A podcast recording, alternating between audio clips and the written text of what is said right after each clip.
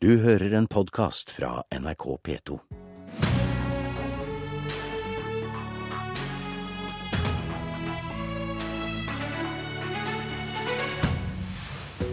Frp står i skvis mellom KrF sitt ultimatum og stortingsgruppa som sier det blir bråk hvis asylbarna får sine saker behandla på nytt. Siv Jensen svarer i Politisk kvarter. Og hvorfor vil ikke finansministeren ha auka skatt på hus og heim, hvis det kan hindre ei bostadboble? God morgen, dette er Politisk kvarter. I dag kommer innstillinga fra kontroll- og konstitusjonskomiteen etter høringa om asylbarn. Og i går ettermiddag blei det altså klart at Venstre, etter å ha tvilt lenge, endte med å ikke fremme mistillitsforslag mot eh, Anders Anundsen.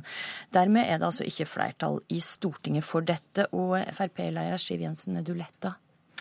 Jeg syns i hvert fall at Anders Anundsen er en utmerket eh, justisminister som viser handlekraft i mange viktige saker. Han har vært opptatt av helheten i straffesakskjeden gjennom å både satse på domstoler, på fengselsvesen og på mer politi i gatene. Det har vært viktig for Fremskrittspartiet i alle år å levere på mer politikraft, og det gjør vi.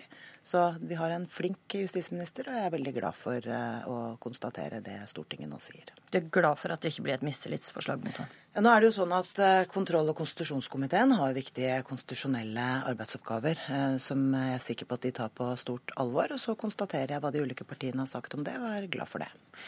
KrF og Venstre retter sterk kritikk mot Anundsen, og Arbeiderpartiet, SV og Senterpartiet har altså fremma mistillitsforslag. Ser du som partileder alvorlig på dette? Jeg registrerer at det er eh, ulike syn på dette, men samtidig så skal det henge veldig høyt å erklære mistillit eh, mot en statsråd. Men det er den jobben som kontroll- og konstitusjonskomiteen eh, gjør.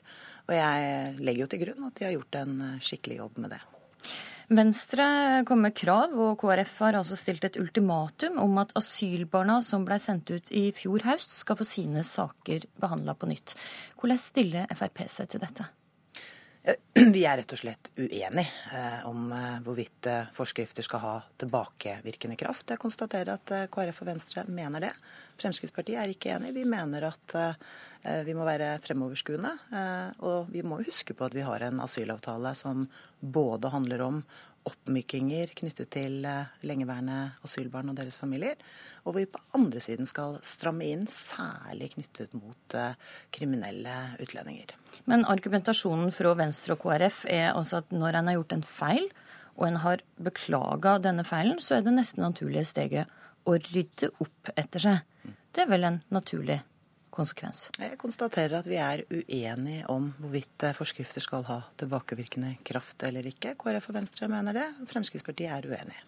Men det er et dilemma for deg dette, særlig siden Kristelig Folkeparti da har stilt et ultimatum. Jeg hører hva Kristelig Folkeparti sier, og så er jeg sikker på at de også får med seg hva vi mener, nemlig at vi har en avtale som er fylt opp på en god måte, og som ikke minst vil komme til å kunne gi gode resultater, sett med KrF og Venstres øyne, i tiden som ligger foran oss. Stortingsrepresentant i Frp Jan Arild Ellingsen sa til Dagens Næringsliv i dag at dette sitat, vil utløse en storm i partiet hvis en, hvis en gjør dette. Er du enig i det? For øyeblikket foreligger jo ikke noe sak til behandling i Fremskrittspartiets stortingsgruppe. Jeg konstaterer at vi er uenige om dette, men og det er for så vidt en ærlig sak å ha ulik tilnærming til dette. Vi mener at vi har fulgt opp den avtalen vi har med Kristelig Folkeparti og Venstre på en god måte, hvor vi har en balanse mellom innstramminger på den ene siden og oppmykinger på den andre. Det foreligger ingen saksside, men, men hva gjør det for å løse da dette, denne konflikten det står oppi? Ja, for øyeblikket så konstaterer jeg at KrF og Venstre har gitt uttrykk for det de har. Og så er det Fremskrittspartiets syn at vi både skal levere på de oppmykende sidene av avtalen, det har vi gjort, og vi skal fortsette å stramme inn i Men det må vel finne en løsning på Ja, Den finner vi i hvert fall ikke i dette studio. Jeg konstaterer at vi ikke har en sak til behandling i vår stortingsgruppe, og at vi er uenige om hvorvidt forskrifter skal ha tilbakevirkende kraft eller ikke. Men hva tenker du om at Hareide har stilt et ultimatum? Er det forsurende for samarbeidsklimaet? Knut Arild Hareide som partileder i KrF gir uttrykk for det Kristelig Folkeparti mener i denne saken. Og så er Fremskrittspartiet like klare på hva vi mener, nemlig at vi har oppfylt vår del av avtalen, og at det er uheldig hvis forskrifter får tilbakevirkende kraft.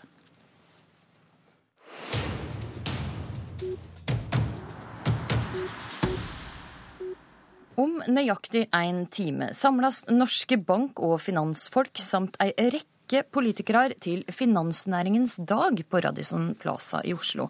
Og med seg i dokumentmappa har du, Idar Kreutzer, administrerende direktør i Finans Norge, et brev til finansminister Siv Jensen. Et brev med ti krav for å hindre ei bustadboble. Og et av de mest kontroversielle kravene er at det går inn for bustadskatt. Og Kreutzer, hvorfor trenger vi en statlig bustadskatt i Norge? Eh, vi ser at boligprisene i Norge har eh, steget eh, relativt mye den senere tiden, men også når vi ser dette i et lengre perspektiv. Så er det sånn at eiendomsinvesteringer er skattemessig veldig gunstig behandlet i Norge. Det kan føre til en overinvestering i eiendom og bolig over tid. Kan føre til? Har det ført til det? Det er mye som tyder på det. Eh, og vi tror at eh, en gradvis og moderat økning av boligbeskatningen i Norge kan bidra til at vi likestiller investeringer i bolig med andre sparealternativer, eh, og som gjør at vi over tid kan få en mer forsiktig boligprisutvikling. Vil det skattlegge både sekundærbolig, altså investeringsboliger, og primærbolig, den boligen man bor i? Vi har sett de senere årene at uh, sekundærboligen har blitt beskattet noe strammere. Vi tror det er en riktig linje. Uh, vi mener at det er det stedet man bør begynne i denne gradvis og moderate tilstramningen av beskatningsreglene for bolig i Norge. Mm. Finansminister Siv Jensen, du har tidligere sagt at du er skeptisk til auka bostadsskatt. Hvorfor det? Fordi jeg mener at uh, boligen vår er hjemmet vårt og ikke et uh, skatteobjekt. Og det er et prinsipp som har stått sterkt uh, i Norge veldig lenge. Men samtidig med at regjeringen la frem lettelser i formuesskatten i budsjettet for inneværende år, så gjorde vi også endringer i verdsettelsespremissene. Nettopp som Kreutzer påpeker, at det har vært skjevheter i forhold til om man stimulerer til investeringer i eiendom, eller om man stimulerer til investeringer i næringsvirksomhet. Det var et, en skjevhet som regjeringen bidro til å rette opp i inneværende års budsjett, og det mener jeg er riktig, et riktig grep. Men, Men hvor vil en boligskatt ganske... føre til? Nei, altså, jeg tror Det som er utgangspunktet for denne diskusjonen, er nok Kreutzer og jeg er helt enige om. Nemlig at vi må iverksette tiltak for å unngå at det bygger seg opp eh, finansielle ubalanser. Og dessverre har vi sett at både boligprisen har steget eh, veldig mye, i tillegg til at gjeldsutviklingen hos husholdningene er stor. Og Det er klart, det er først og fremst et problem for husholdningene som er mest sårbare for brå skift, enten i boligpriser eller i renter f.eks. Eh, og det tar jeg på det største alvor, for jeg mener det er viktig at også eh, mennesker med en sårbar økonomi skal føle trygghet for huset og hjem. Og derfor har jo vi nå både bedt Finanstilsynet om å komme med sine vurderinger av hvordan vi kan gjøre dette. Men vi jobber jo også med andre sider av eh, boligmarkedet som kanskje er vel så viktig. Og det handler jo om vår samlede evne til å bygge flere boliger. For det er jo det som er den største ubalansen. Mm, nemlig at vi, vi etterspør flere boliger enn vi faktisk har eh, tilgang på. La oss holde oss litt til bostadsskatten først. Og, og, bare slik at jeg forstår det riktig, er du mot auka skattlegging både på primærbostad og sekundærbostad? Du må huske på at den samlede skattleggingen av husholdningene i Norge er ganske stor. Eh, og vi må se på den samlede samlede skattebelastningen vi pålegger våre innbyggere. Fremskrittspartiet har gått til valg på å redusere det samlede skattetrykket. Og vi mener at dens eh, primære bolig, som er kanskje det største investeringsobjektet du og jeg og alle andre tar gjennom et helt liv, ja, det er ikke i utgangspunktet et skatteobjekt. Så der er det uaktuelt å øke skatten på, på primærbostad. Men hva med sekundærbostad? Der er det jo tatt grep allerede, bl.a. gjennom eh, verdsettelsen i formuesskatten. Og det har jo vært et riktigere grep, rett og slett fordi det å likebehandle investeringer er klokt. Men jeg tror det er mange virkemidler vi kan vurdere. Og det at vi nå har sendt Finanstilsynets forslag på høring uten å ha tatt stilling til dem, gjør at vi vil kunne få flere forslag på bordet. Nå har Finans Norge gått gjennom dette fra Eh, egen kjøl. Det er jeg helt sikker på at veldig mange andre aktører ute i markedet vil gjøre. Og at vi sånn sett kan få flere interessante forslag på bordet før regjeringen konkluderer. Om jeg skal komme litt tilbake til det. Jeg må bare høre med Krøyser. Hva tenker du om eh, Siv Jensens eh, avvisning av forslaget om boligskatt her? Jeg tror det er to-tre to, ting. Altså For det første, det å fjerne formuesskatten vil hjelpe. Formuesskatten er en av de skattene som i dag bidrar til å gi insentiv til å investere i, i, i eiendom. Eh, jeg legger til grunn at man fortsetter å se på sekundærbolig. Vi vi her, bidrar til å gi et politisk rom eh, for å kunne vurdere det. Vi mener vel også Ikke ta den med en gang, da. Vil det fortsette å se på auka skattlegging av sekundærboliger? Nå har vi allerede tatt store grep på det. Men jeg tror ikke, dere får, jeg tror ikke dere får en finansminister til å forhåndsvarsle hvilke skattegrep som blir i de kommende budsjettene. Det vet du veldig du godt at ikke jeg kommer til å gjøre. Men det var et godt forsøk. okay. Og så mener vi jo også at nå har vi en skattekommisjon som ligger på bordet. La oss bruke den anledningen til å tenke litt fritt rundt hvordan vi best mulig kan innrette skattesystemet. Én ting er jo at vi får inn penger gjennom skattesystemet. Uh, men det andre er hvilke virkninger det har på økonomien. Og nå er det mye som tyder på at den skjevheten i retning av gunstig skattebehandling av eiendom bidrar til overinvestering i eiendom. Da kan vi ta den diskusjonen. Og alle grep som skal gjøres, de må gjøres forsiktig og gradvis. Retningen her tror jeg nok er det sentrale poenget. Når, det gjelder, skattetrykket, når det gjelder skattetrykket, så tror jeg finansministeren og, og, og, og vi er helt enige øh, om øh, at skattetrykket ikke bør øke gjennom en, et tiltak som dette. Men skyter ikke finansministeren rett og slett ned den diskusjonen? Uh, altså Det er en politisk realitet her som jeg har stor, stor respekt for. Hun bidrar til å legge den uh, lavt. Uh, jeg har en annen rolle, vi har en annen rolle. Vi bidrar til å slå opp det politiske rommet for å ta deler av disse diskusjonene som vi syns er viktige. så er jeg helt enig med finansministeren i at de grunnleggende problemstillingene som er knyttet til boligmarkedet, det har med to forhold å gjøre. Det ene er hvor mange boliger vi bygger, og det andre er hvor dyre boliger vi bygger. Vi bygger for få boliger i pressområdene, og vi bygger for dyrt. og, og det er der løsningen, hovedløsningen på problemet ligger. Mm, og det kan vel du òg være enig i, Siv Jensen? Ja, jeg er definitivt enig i det. Problemet med, med, det er jo selvfølgelig at det tar litt lengre tid. For det å bygge store, nye boligfelt skjønner jo alle tar eh, litt lengre tid enn en eh, de neste to-tre månedene. Og ubalansene er jo i ferd med å bygge seg opp nå. Vi trenger strakstiltak. Ja, altså nå har jo vi bedt Finanstilsynet om deres vurderinger. Så har vi sendt det ut på høring, slik at vi kan få vurderinger fra både Finans Norge og andre som har synspunkter på dette. Men regjeringen har jo igangsatt mange andre tiltak også.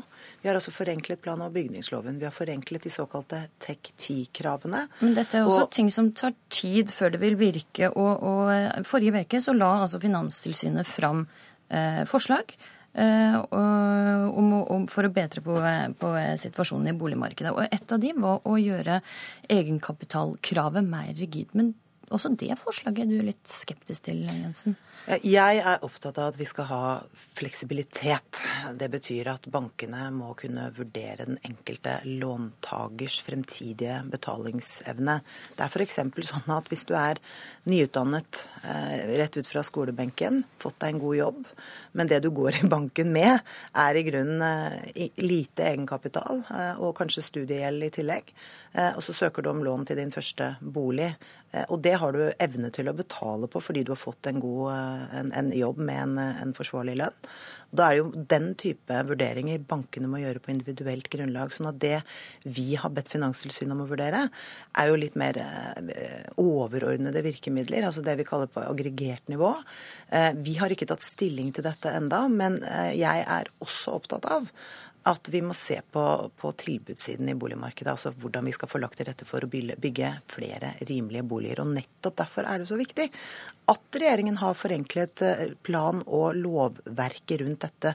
Eh, I forrige uke kom det jo også en statistikk som viste at vi nå har igangsatt 65 eh, flere nye boliger enn på samme tid i fjor. Og det tyder jo på at disse virkemidlene virker, og det er bra. Diskusjonen om lånevilkår og boligpriser fortsetter på finansnæringens dag senere i dag. Der skal du, Siv Jensen, i debatt med Jonas Gahr Støre. Og dagen der åpner med at statsminister Erna Solberg taler klokka ni.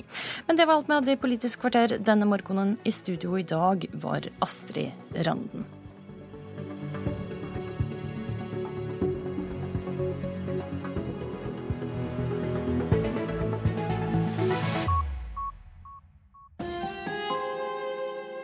Ekko.